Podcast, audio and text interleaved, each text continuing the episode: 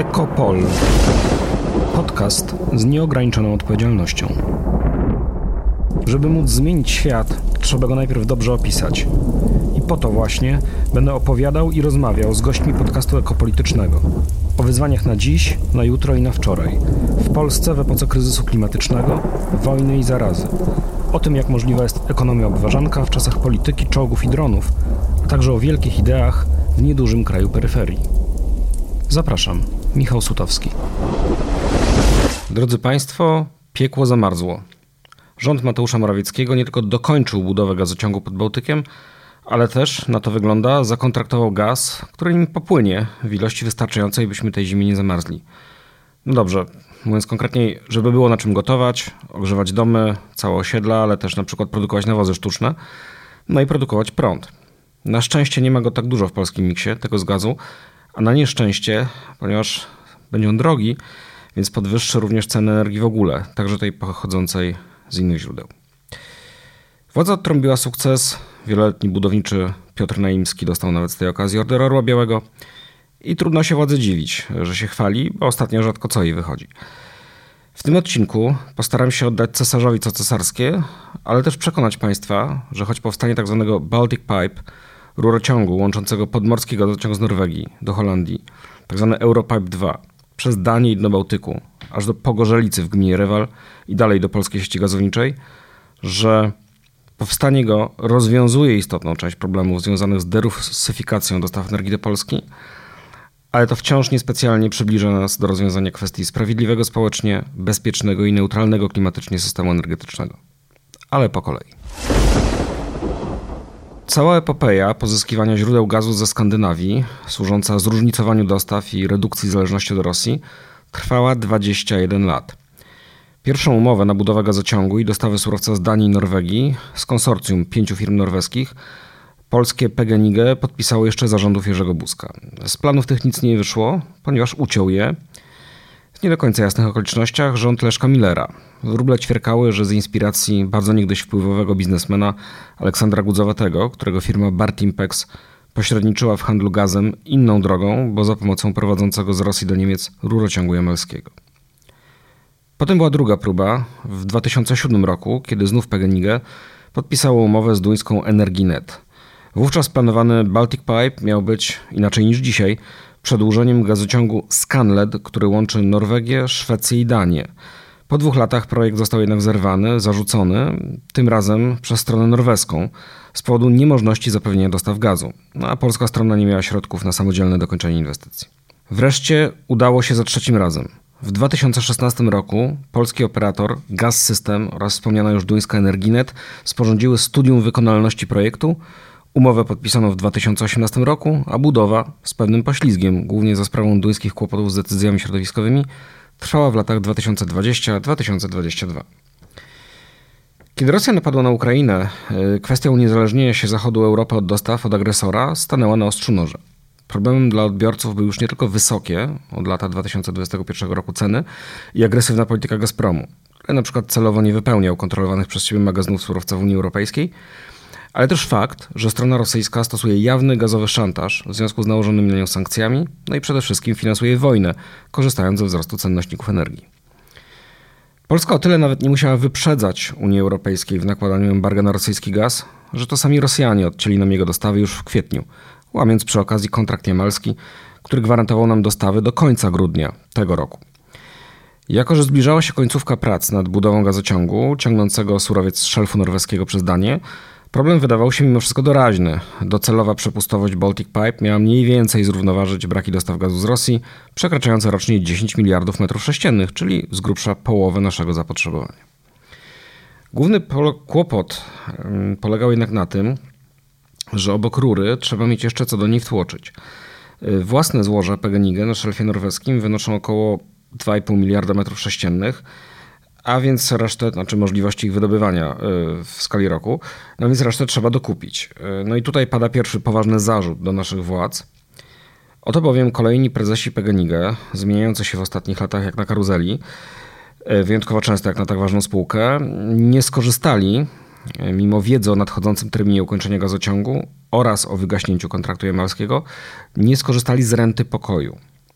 A mówiąc prościej, z faktu, że zanim jeszcze zaczęła się pełnoskalowa inwazja Rosji na Ukrainę, zanim nastąpiła gazowa wojna y, Gazpromu z Zachodem, a nawet zanim doszło do popandemicznego odbicia gospodarczego i wzrostu popytu na surowce, można byłoby negocjować ceny i warunki z dużo lepszej pozycji. Do ostatniej chwili y, nie było jednak wiadomo, ile gazu popłynie rurą pod Bałtykiem. Do końca roku jej przepustowość to 3, a potem już 10 miliardów metrów sześciennych. A to sugeruje, że dostawcy, niewykluczone też, że różni pośrednicy, mogli przydzwonić polskim odbiorcom naprawdę zaporowe stawki. Ile Polska zapłaci za norweski gaz od norweskiej grupy Equinor, od francuskiego Total Energies czy duńskiego Rosteda? Nie wiadomo. To jest tajemnica przedsiębiorstw.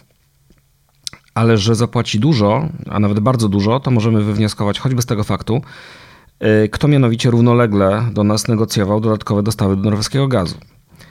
Otóż byli to m.in. bardzo bogaci i bardzo zdeterminowani do dodatkowych zakupów gazu Niemcy. W mediach e, przez ostatnie miesiące wielkim echem odbijały się wizyty ministra gospodarki i klimatu Niemiec Roberta Habecka w Katarze, gdzie zielony polityk negocjował długoletnie kontrakty na dostawy gazu skroplonego od arabskich szejków, czy właściwie dyktatorów. Ale to wszystko raczej na przyszłość, bo na dziś y, Niemcy y, swoje utracone dostawy z Rosji rekompensują sobie surowcem z Holandii, Belgii, no i właśnie z Norwegii. Import z Rosji gwałtownie bowiem spadł w czerwcu, a wrzesień, po raz pierwszy od blisku 50 lat, gdy RFN rozpoczęła import radzieckiego gazu, był pierwszym pełnym miesiącem bez tego surowca ze wschodu.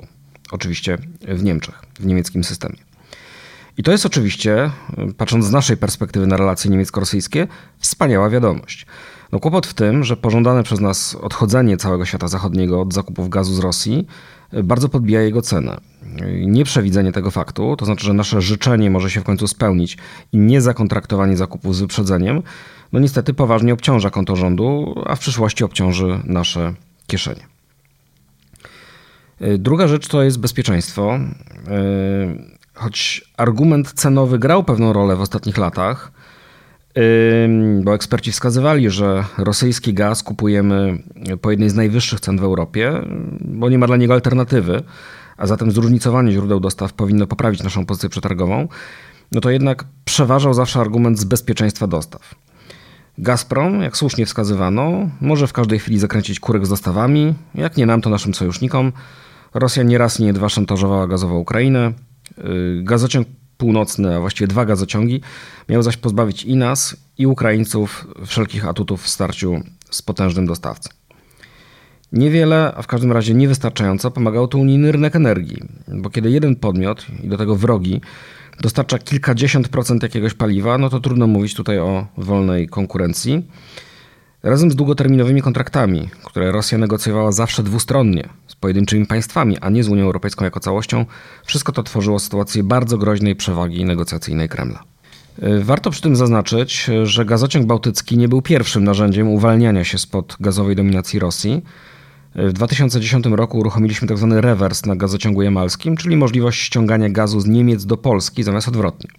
Potem powstał jeszcze terminal w Świnoujściu, zdolny przyjąć rocznie 6 miliardów metrów sześciennych gazu skroplonego z USA czy przykład z Kataru.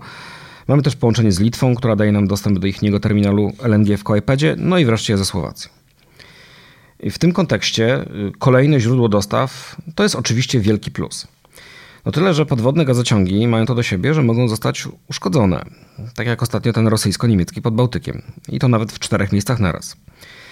Stan polskiej marynarki wojennej nie pozwala raczej na skuteczne monitorowanie rury na całej długości, a zatem musimy cały czas gdzieś mieć z tyłu głowy, że nawet taka twarda infrastruktura przesyłowa niekoniecznie gwarantuje nieprzerwane dostawy, zwłaszcza w warunkach wojennych.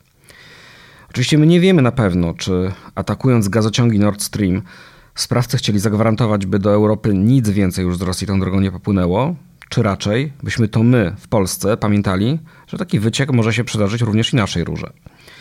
Teorie spiskowe krążą, zachodni eksperci skłaniają się ku tropom rosyjskim, ale jak było na pewno, dowiemy się nieprędko. Faktem jest, że przesunięto granice tego, co wyobrażalne na Bałtyku. Podkreślam, że na Bałtyku, bo w innych częściach świata gazociągi były już atakowane, na przykład kaspijski BTC, czyli rurociąg znajdujący się na terytorium Rosji, który został zaatakowany przez rosyjskie siły zbrojne w 2008 roku. Kolejny problem z gazem polega na tym, że jego cena rozlewa się na cenę prądu. W wielu bowiem krajach elektrownie gazowe produkują zbyt drogo, a więc zaczyna się uruchamiać stare elektrownie węglowe. A popyt na węgiel podwyższa jego cenę, także i u nas, także dla naszych polskich elektrowni, które produkują właśnie z węgla. Drugi, już bardziej bezpośredni mechanizm polega na tym, że giełdowa cena energii y, elektrycznej wynosi tyle, ile koszt najdroższego prądu z elektrowni, która domyka system. No i tak się składa, że w wielu przypadkach chodzi właśnie o elektrownie gazowe. Dlatego właśnie regulacja cen dla gospodarstw domowych, ale także dla przemysłu poprzez stawki maksymalne czy subwencje stają się palącą koniecznością i to raczej na poziomie całej Unii Europejskiej niż poszczególnych państw narodowych. Inaczej bowiem skoki cen gazu ziemnego będą przekładały się na wzrost cen prądu, odczuwalny w całej gospodarce. Kolejny element całej gazowej układanki to wpływ wielkich koncernów państwowych na całość rynku. Planowane wkrótce przejęcie PGNiG przez inny kontrolowany przez państwo koncern, czyli Orlen, wskazuje na zamiar budowy multienergetycznego monopolisty, czyli takiego mastodonta kontrolującego nie tylko rynek paliw płynnych, ale też rynek gazu ziemnego. No i pamiętając o doświadczeniach w sektorze energetyki wiatrowej na lądzie czy fotowoltaiki, jakoś trudno uwierzyć, by sprzyjało to rozwojowi mniejszych podmiotów, na przykład lokalnych spółdzielni energetycznych. No przecież właśnie biogazownie mogłyby być ważnym elementem tworzenia odpornego na wstrząsy, niskoemisyjnego i zarazem rozproszonego systemu energetycznego, który zwiększałby podmiotowość lokalnych społeczności. Jak pisał niedawno Edwin Bendyk, w przypadku bezpieczeństwa energetycznego system oparty na setkach biogazowni i szerzej na rozproszonych źródłach energii byłby znacznie pewniejszy tylko że nie podlegałby scentralizowanej kontroli. Przeciwnie, zdolność samodzielnej produkcji energii w wymiarze lokalnym zwiększałaby siłę przetargową podmiotów lokalnych w relacjach z centrum. Mówiąc krótko, samorządów wobec władzy centralnej. Zdaniem ekspertów, e, biogazownie mogłyby pokryć nawet połowę naszego zapotrzebowania na gaz, a jednocześnie stać się wehikułem bardziej sprawiedliwej transformacji energetycznej, wzmacniającej ekonomicznie samorządy. Polityka rządu zmierza jednak do zapewnienia sobie monopolu na dostawę i dystrybucję jak największej ilości typów źródeł energii. Nawet jeśli będą odnawialne i bezemisyjne, to niezmiennie pod kontrolą aktualnego obozu władzy. A spora część z nich pochodząca z zewnątrz, a więc importowana, nawet jeśli nie z najbardziej niebezpiecznego politycznie kierunku wschodniego. Krótko mówiąc, uwolnimy się od importu paliw kopalnych z Rosji, nie uwalniamy się od importu paliw kopalnych w ogóle, no i od spalania paliw kopalnych przede wszystkim. Wreszcie mamy ostatni, choć bynajmniej nie najmniej ważny element, czyli klimat. Gaz ziemny jest paliwem emisyjnym, nawet jeśli mniej szkodliwym dla klimatu niż spalany węgiel. Inna sprawa, że wiele zależy od tego, jak liczymy i jak to mierzymy. Na przykład, jak mierzymy wycieki gazu, yy, wycieki metanu yy, z rurociągów, yy, których szacunki wpływu na klimat istotnie się różnią. Oczywistą przewagą gazu względem węgla jest brak zanieczyszczeń powodujących smog.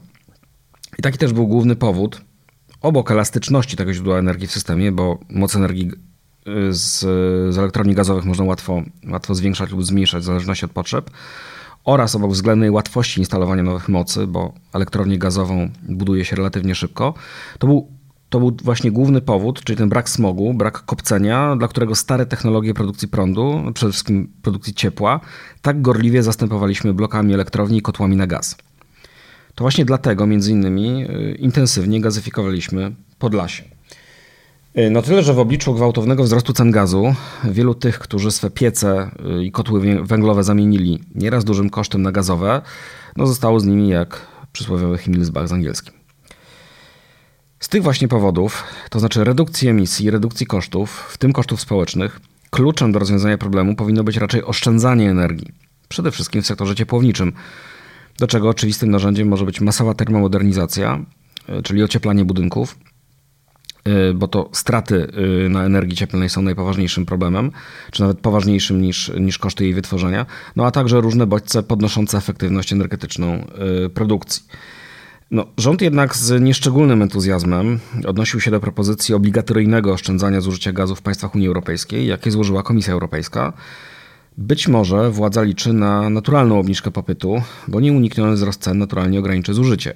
Liczy też pewnie na łagodniejszą zimę i pełne krajowe magazyny gazu. Premier osobiście chwalił się ich wypełnieniem na poziomie ponad 100%, no tyle, że mowa o nie tak wcale wielkiej ilości 3,2 miliarda metrów sześciennych, co w okresie zimy starcza na kilka tygodni. Można się w tym też doszukiwać niechęci do nakładania przymusowych ograniczeń w sferze konsumpcji w roku przedwyborczym, no i generalnego przerzucania odpowiedzialności za kryzys na samych obywateli lub samorządy. Widać tu też brak myślenia perspektywicznego poza horyzontem powrotu do normalności, to znaczy, żebyśmy gazu zgodnie z planem zużywali coraz więcej, no tylko żeby nie płynął już z Rosji, tylko z państw NATO względnie ich arabskich sojuszników. O postawie polskich władz w kwestii kryzysu energetycznego przywoływany już raz Edwin Bendyk pisał. Ograniczenie wyobraźni w Polsce polega na łączeniu kwestii bezpieczeństwa w dowolnym wymiarze z hierarchicznymi systemami kontroli i zarządzania. Jak energia, to wielki rurociąg obsługiwany przez podlegającą państwowej kontroli firmę. Jak ochrona ludności, to cała władza w ręce rządu. I to jest problem u nas nie nowy, ale też nie jedyny, bo rewersem takiego hierarchicznego zarządzania bywa u nas często spychanie odpowiedzialności za sprawy najtrudniejsze, najbardziej niewygodne i wymagające na poziom lokalny. Rewersem jest też brak koordynacji działań, no i wreszcie pauperyzacja i degradacja tych wszystkich, którzy mają sobie z problemami poradzić sami, najlepiej za darmo i po godzinach pracy, względnie za głodowe wynagrodzenia i przy pomocy zdezalowanego sprzętu. I o tym właśnie opowiem w drugiej części dzisiejszego odcinka. O tym, jak 30 lat temu Polki i Polacy radzili sobie z największym pożarem w naszej powojennej historii dzięki benzynie na kredyt, żywności ze zrzutek, noclegom u dobrych ludzi i niesłuchanemu poświęceniu. To wszystko przenikliwie opisał Dawid Iwaniec w książce Ogień wyszedł z lasu. Ekopol. Podcast z nieograniczoną odpowiedzialnością. Lato 30 lat temu było szczególnie gorące i suche. Przynajmniej na tle kilku poprzedzających je dekad, bo w porównaniu z tymi, które nas dopiero czekają, nie było w nim nic wyjątkowego. Upały w 1992 roku, obok licznych przypadków zasłabnięć, udarów słonecznych czy kolizji drogowych, dawało się odczuć w sklepach i na bazarach. Ceny owoców i warzyw wystrzeliły pod niebo, brakowało wiatraków, świetnie sprzedawały się lody i napoje. Plony zbóż były niespecjalnie dobre, a w wielu miastach więdły, a potem usychały klomby i rabaty, a drzewa już w połowie lipca zrzucały liście. Mimo skróconego okresu wegetacji umierać zaczęły kasztanowce, lipy i jesiony. To wszystko były dość typowe w naszym kraju wówczas efekty długotrwałej suszy. Wtedy efektem najpoważniejszym, a na pewno najbardziej spektakularnym były jednak pożary torfowisk i lasów. Tylko w tamtym roku w Polsce było ich ponad 15 tysięcy, czyli aż 6 razy więcej niż w roku poprzednim. Największy z nich, pożar lasu, wybuchł w okolicach Kuźni Raciborskiej, na pograniczu ówczesnych województw opolskiego i katowickiego, między Gliwicami a Kędzierzynem Koźle i okazał się największym w powojennej historii Polski oraz drugim w tym okresie największym w Europie pod względem powierzchni spalonego lasu. Opowiem dziś o nim w związku z książką Ogień wyszedł z lasu autorstwa Dawida Iwańca, jaka ukazała się niedawno w wydawnictwie Dowody na istnienie. Tamta katastrofa, choć upłynęło od niej 30 lat, nie tylko mówi nam wiele o wczesnym okresie transformacji III Rzeczpospolitej i ówczesnym stanie państwa, ale także pokazuje, co może nas czekać w przyszłości. Bo tak się bowiem składa, że chociaż jesteśmy dziś jako społeczeństwo i państwo o wiele bogatsi, zapewne też lepiej zorganizowani i wyposażeni, to z kolei warunki ekologiczne, jakie sprzyjają wydarzeniom tego rodzaju, robią się coraz gorsze i coraz bardziej niebezpieczne. Na to zaś nakłada się proces rozkładu sektora publicznego, z jakim mamy do czynienia, zwłaszcza w ostatnich latach. Wszystko to razem sugeruje, że mimo ewidentnie lepszej niż kiedyś infrastruktury, nowocześniejszego sprzętu, a także większej pod pewnymi przynajmniej względami świadomości naszej sytuacji, nie musimy być wcale lepiej przygotowani do walki ze skutkami ubocznymi naszego własnego postępowania. No bo właśnie o skutki uboczne tutaj chodzi, bo pożary, no, choćby od uderzenia pioruna, zdarzały się zawsze, nawet jak człowieka jeszcze nie było na Ziemi. Teraz jednak za sprawą ludzkiej działalności zdarzają się one coraz częściej. I to nie tylko za sprawą rosnącego stężenia gazów cieplarnianych w atmosferze, czy wynikającego stąd wzrostu średnich temperatur. W lesie, który płonął z tak tragicznym skutkiem w 1992 roku, grunt pod katastrofę stworzyły bowiem nie tylko gazy cieplarniane w atmosferze i będąca ich konsekwencją przedłużona susza. Nie chodzi również o bezpośrednią przyczynę, którą były najprawdopodobniej iskry spod kół pociągu towarowego, które zdaniem prokuratury miały doprowadzić do zapłonu, ani nawet nie chodzi o niezaorany przez PKP y, pas ziemi wokół torów, pas ochronny, tak zwany pas Kienica. Czyli taki obszar, na którym nie powinna y, rosnąć y, trawa i w związku z czym ewentualny, ewentualny zapłon od iskier nie przenosi się na, na okolice. Wówczas stwierdzono, że znaczy w śledztwie, które nastąpiło już po pożarze, że PKP faktycznie tego, tego pasa ochronnego nie, nie pozostawiło, jakkolwiek było to w zgodzie z ówczesnym stanem przepisów. Ale chodzi o coś innego. Otóż za bezprecedensową skalą i tempem rozprzestrzeniania się pożaru stoi bowiem, tego pożaru w 1992 roku, stoi bowiem długa historia przekształceń wielkiej niegdyś puszczy przez działalność rolniczą, a potem przemysłową. Jeszcze w średniowieczu ówczesna puszcza jest karczowana pod uprawy na najżyźniejszych glebach. To się dzieje przez bardzo długi okres, aż w końcu, kilkaset lat później, Cały proces gwałtownie przyspiesza e, wraz z odkryciem w tej okolicy pokładów ród żelaza i wraz z rozwojem hutnictwa. Bo zaczyna się wycinka dębów, buków i brzus, a więc tych drzew, które dawały najwyższą temperaturę przy spalaniu drewna. A druga obok hutnictwa, kluczowa dla wczesnej rewolucji przemysłowej branża, czyli górnictwo, uderza z kolei w drzewa iglaste, bo potrzebnych jest mnóstwo pni do umacniania podziemnych korytarzy, a las zaczyna być traktowany jak fabryka drewna. No właśnie fabryka, bo Wycinka to jest jedno, ale druga rzecz to jest planowe obsadzanie wielkich połaci terenu jednym gatunkiem drzewa. Najczęściej sosną, bo ona ma mniejsze wymagania i jest bardziej niż np. jodła czy świerk odporna na zanieczyszczenie powietrza. A te mają znaczenie. Yy, drzewa coraz intensywniej wymierają właśnie jodły i świerki pod koniec, już pod koniec XIX wieku, kiedy Górnośląski Okręg Przemysłowy produkuje mniej więcej 35 tysięcy ton tlenku siarki rocznie. I w efekcie tych wszystkich procesów złożonych do kupy nawet 85% drzewostanu tamtejszych lasów zaczyna inaczej niż w przeszłości stanowić sosna. I to wszystko się dzieje dalej przez całą pierwszą połowę XX wieku, mimo zmian granic i ustrojów, ale w latach 50. do zagłębia górniczego Gliwic i Rybnika, czyli położonego na wschodzie, dochodzą jeszcze od zachodu zakłady chemiczne w Kędzierzynie Koźlu, produkujące nawozy sztuczne i emitujące do atmosfery tlenek azotu. Coraz bardziej osłabiany z dwóch stron las atakowany jest przez szkodniki. Drzewa w nim więc umierają, korony drzew się przerzedzają, a sosny zmieniają garnitur igieł co dwa lata, zamiast, jak to byłoby normalnie, w przypadku zdrowych drzew, co siedem. Ogromne ilości tych suchych igieł i gałęzi opadają więc na dno lasu. Co prawda rośliny runa leśnego powinny sprzyjać ich rozkładowi. Rzecz w tym, że przez większy dostęp światła w końcu Drzewa mają rzadsze korony niż powinny. Tworzą się świetne warunki do rozwoju paproci i traw, które niczego nie rozkładają. I w ten właśnie sposób tworzy się tam warstwa suchego, łatwopalnego materiału, dwa razy grubsza niż w innych lasach. E, jak pisze autor książki, leśnicy zauważali ten problem e, i nawet zwozili na miejsce dyrektorów zakładów, które truły powietrze. No ci jednak bezradnie rozkładali ręce, bo stwierdzali, że no, rzeczywiście płacą kary za zanieczyszczenia środowiska, no ale przez to między innymi nie mają środków na inwestycje, na przykład filtry kominowe. E, w latach 70. E, pojawia się pomysł i zostaje zresztą zrealizowany, aby wykorzystać samoloty rolnicze do zrzucania nawozów chemicznych, które miałyby wzmocnić drzewa. No tyle, że te nawozy zrzucane z góry, zanim wniknęły w glebę i dotarły do, korzeni drzew, były przechwytywane przez trawy i paprocie, które w efekcie wystrzeliły w górę na 3 metry. I do tego wszystkiego jeszcze w okolicy e, powstaje odkrywka piasku, mm, służącego do zasypywania z kolei wyeksploatowanych już szybów kopalnianych. No i to oznacza z jednej strony dalsze karczowanie lasów, ale też tworzy w okolicy lej depresyjny i powoduje obniżanie się wód gruntowych. W efekcie pożary w tych okolicach stają się coraz częstsze i coraz groźniejsze, bo już nie tylko osłabione drzewa, ale też wysuszone trawy i paprocie płoną jak pochodnie.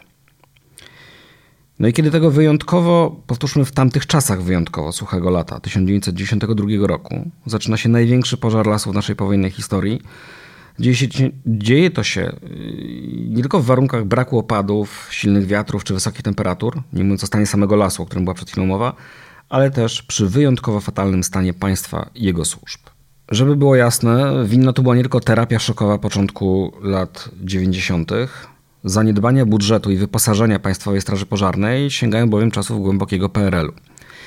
Na lepsze dofinansowanie liczyć mogła tylko Straż Pożarna w Przemyśle, a i to tak naprawdę dopiero po tragicznych doświadczeniach katastrofy e, pożaru rafinerii w Czechowicach-Dziedzicach w roku 1971. Po przełomie roku 1989 doszły do tego ogólne cięcia budżetowe całego sektora publicznego. No i w, w, w efekcie tego wszystkiego Na początku lat 90. E, strażacy dorabiali do chudych budżetów jednostek e, zlecanymi wycinkami drzew, pracami na wysokościach czy wypompowywaniem wody. No a komendanci jednostek Straży Pożarnej często chodzili po prośbie od jednego zakładu do drugiego, by wyżebrać pieniądze na podstawowe wydatki, głównie na paliwo. Do tego wszystkiego dochodził jeszcze bardzo zły stan techniczny pojazdów, przestarzałych, do których brakowało części zamiennych, a jeszcze gorzej było w jednostkach Ochotniczej Straży Pożarnej, które otrzymywały najstarszy sprzęt, czyli żuki i jelcze w spadku po komendach rejonowych Straży Pożarnej. Im też brakowało mundurowania i oczywiście środków na paliwo do wyjazdów na akcje. Wielu strażaków ochotników było po prostu pasjonatami tego, co robili, no i często za własne nieraz pieniądze robili odpowiednie kursy, a na akcje wyjeżdżali właśnie w czasie wojny. I to wszystko razem złożyło się na niezwykle trudne warunki prowadzenia akcji gaśniczej, kiedy pożar, przypomnijmy to jest sierpień 1992 roku, najpierw jeden z wielu w tej okolicy tego lata, zaczyna się gwałtownie rozprzestrzeniać na kolejne połacie lasu, pokonując kolejne dukty leśne, pola, drogie, nawet niewielkie rzeczki. Zawodziła łączność, bo Straż Pożarna miała do dyspozycji jedną tylko częstotliwość, a komunikację drogą radiową zakłócały płytkie pokłady ród żelaza. Zjeżdżające z czasem z całej Polski sekcje Straży Pożarnej nieraz nie były w stanie nawet dojechać na miejsce pożaru. Potrzebne były setki napraw wozów strażackich, a z tych zniszczonych w pożarze usuwano np. opony, żeby je wykorzystać jako zapasowe do pojazdów kolejnych.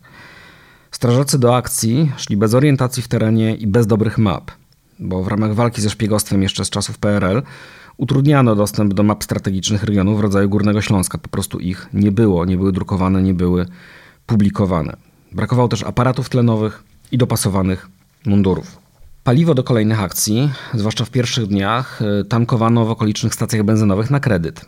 Kiedy w trakcie opisanej w książce wizyty gospodarskiej prezydent Lech Wałęsa wręczył komendantowi głównemu Straży Pożarnej kopertę z połową miliarda złotych, to oczywiście na stare, czyli teoretycznie to jest 50 tysięcy, ale uwzględniając inflację, no, można powiedzieć, to było sto kilkadziesiąt ówczesnych średnich krajowych. Komendant miał odpowiedzieć, że no to jest oczywiście świetnie, bardzo się cieszą, no ale że obracamy tu już większymi sumami, a miał na myśli tyle, że rachunki do zapłacenia za paliwo z dwóch dni akcji były o blisko połowę większe. Ten prezydent spieszący ze wsparciem strażakom z kopertą gotówki w dłoni można uznać chyba za jeden z symboli tamtych czasów, czy takiego ogólnego pospolitego ruszenia, y, które organizowane przez okolicznych mieszkańców budzić musi podziw i szacunek, no ale jako sposób działania państwa budzi raczej frustrację i gniew. Wielu leśników, ale też urzędników gminnych musiało naginać lub po prostu łamać obowiązujące przepisy, aby w obliczu braku decyzyjności na szczeblu lasów państwowych czy w odnośnych resortach móc w ogóle zorganizować i sfinansować na bieżąco potrzebne działania. Polska w 1992 roku działała jak wielka organizacja pozarządowa. Organizowano zrzutki żywności, Mieszkańcy przywozili strażakom zapasy jedzenia, od mleka i jabłek po kiełbasę, gotowali zupy i smażyli placki ziemniaczane, nocowali ich u siebie w domach. Miejsca odpoczynku organizowano prowizorycznie, piekarnie piekły za darmo chleb, sklepy i hurtownie wysyłały tysiące litrów butelkowanej wody. Media w całej Polsce podawały numer konta do zbiórki pieniędzy, z których gmina Kuźnia Raciborska pokrywała koszty wyżywienia i paliwa. A grupa techników pracująca dzień i noc dokonywała cudów, naprawiając uszkodzone lub po prostu zdezelowane samochody, pompy i inny sprzęt. Dopiero po kilku dniach udało się też skoordynować gaszenie pożarów z powietrza przy użyciu rolniczych dromaderów z akcją na dole. Początkowo gaszono bardzo chaotycznie. Dopiero po kilku dniach udało się połączyć te startujące z różnych lotnisk bez planu samoloty w planowo działającą eskadrę. Ogrom indywidualnego poświęcenia, gotowość do ryzykowania życia. Przypomnijmy, że w akcji to na samym początku zginęło dwóch strażaków ochotników także bezpośrednie dowodzenie przez komendanta głównego z najwyższego szczebla, no i wreszcie pomoc żołnierzy i ciężkiego sprzętu pozwoliły w końcu uratować około 40 tysięcy hektarów lasu. Spłonęło mniej więcej 9 tysięcy, czyli 90 y, kilometrów kwadratowych i pozwoliło doczekać do poprawy pogody, czyli, czyli wystąpienia opadów. Y, z tamtego doświadczenia państwo wyciągnęło pewne wnioski. Straż pożarną wtedy zmodernizowano, między innymi wyposażono w lepszą łączność, także dużo nowsze samochody i pompy. Zmieniono też schematy organizacji działania. W lasach pobudowano więcej wież obserwacyjnych i pasów ochronnych obsianych łąkami czy krzewami liściastymi. A jednak podstawowy problem pozostał. Nasze lasy to jest w coraz większym stopniu fabryka drewna, w której czy w których różnorodność ekosystemu, tak ważna z punktu widzenia klimatu, ale też bezpieczeństwa pożarowego, ustępować musi pragmatyce eksploatacji. bo zasadzone pod sznurek z sosny po prostu łatwiej wyrąbać i wywieźć do tartaku. To, co na początku lat 90. było jeszcze traktowane jak pogodowa anomalia, czyli długotrwałe susze, brak opadów, noce tropikalne, wiele następujących po sobie dni upalnych, staje się naszym doświadczeniem co rok, dwa lub najdalej trzy. Y, przejawy tego takie skrajne, ekstremalne y, znamy oczywiście z Australii z przełomu 2019-2020 roku i tam pożary, podobnie zresztą jak w Kalifornii, czy w Kanadzie, czy w jeszcze wielu innych miejscach, y, zmieniły bardzo wyraźnie świadomość opinii publicznej i przede wszystkim elit politycznych, decydentów w kwestii przełożenia zmiany klimatycznej na, na zjawiska pogodowe. Dotychczas bardzo często myśleliśmy y, o tym no, w kategoriach czegoś, co dotyka jakieś kraje bardzo odległe, jakieś wysepki na Pacyfiku, które może zostaną zalane, ale bardzo długo nie potrafiliśmy tego, tego przełożyć na nasze doświadczenie tutaj w Europie. Y, no i na pewno nie byliśmy w stanie tego y, zrozumieć, y, rozpoznać w Polsce na początku lat 90. Tak czy inaczej, wiemy, że sprzyjające pożarom warunki klimatyczne będą się tylko pogarszać. I to na poziomie atmosfery i na poziomie wód gruntowych. I to jest jedna strona równania. A drugą stroną równania jest nasze państwo, które jest dziś bardzo bogate, zwłaszcza jeśli za punkt odniesienia wziąć Polskę w dołku transformacyjnej recesji. Mm, no, ale nie jesteśmy pewni, nie możemy być pewni, y, czy jest y, dużo lepiej przygotowany do radzenia sobie z tego rodzaju wyzwaniami. Bo to doświadczenie tegorocznego kryzysu uchodźczego po napaści Rosji na Ukrainę pokazuje, że gwałtowne kryzysy mogą uruchomić w nas pokłady samoorganizacji, determinacji, solidarności, zwłaszcza w sytuacji wojennej, zwłaszcza gdy kontekstem jest napaść Rosji na Ukrainę, wtedy jest to nawet zjawisko masowe. Zupełnie inaczej niż gdy dotyczy na przykład uchodźców z Bliskiego Wschodu, Azji Środkowej czy Afryki Północnej, bo ci postrzegani są nie tylko jako obcy nam kulturowo, ale też często jako nie tyle ofiary, ile narzędzia naszego wroga.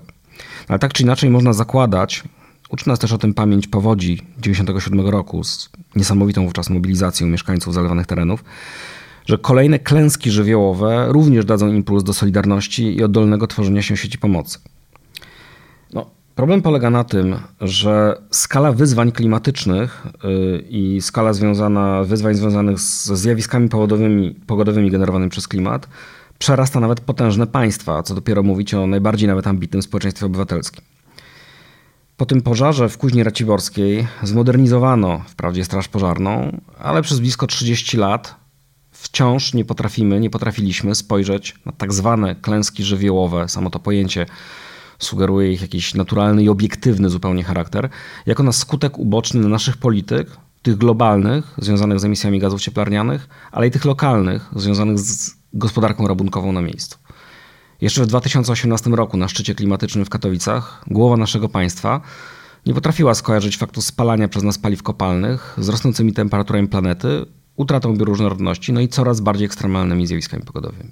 Wciąż traktujemy lasy jak fabryki drewna, względnie plantacje desek, planowe monokultury jako taką wygodną formę gospodarowania przyrodą, a obniżanie się wód gruntowych i zanieczyszczenie powietrza jako w najlepszym razie smutny problem techniczny, a w najgorszym jako jakąś fanaberię kudłatych ekologów czy aktywistów. Mam wrażenie, że od tego, czy zaczniemy łączyć kropki i zdołamy przeorganizować i nasze państwo, i style życia, i planowanie przestrzeni zależy to, czy ekstremalne zjawiska pogodowe będą tylko stałą dolegliwością, z którą będziemy uczyć się żyć, czy będą procesem o wymiarze e, apokaliptycznym dla naszej cywilizacji.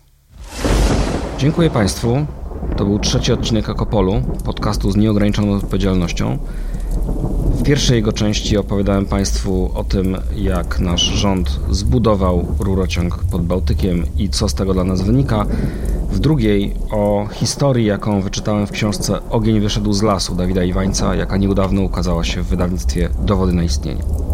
Tymczasem zapraszam do słuchania kolejnych odcinków na stronie www.krytykapolityczna.pl oraz na platformach takich jak Spotify, SoundCloud czy Apple Podcast. Nazywam się Michał Sutowski. Dziękuję, do usłyszenia.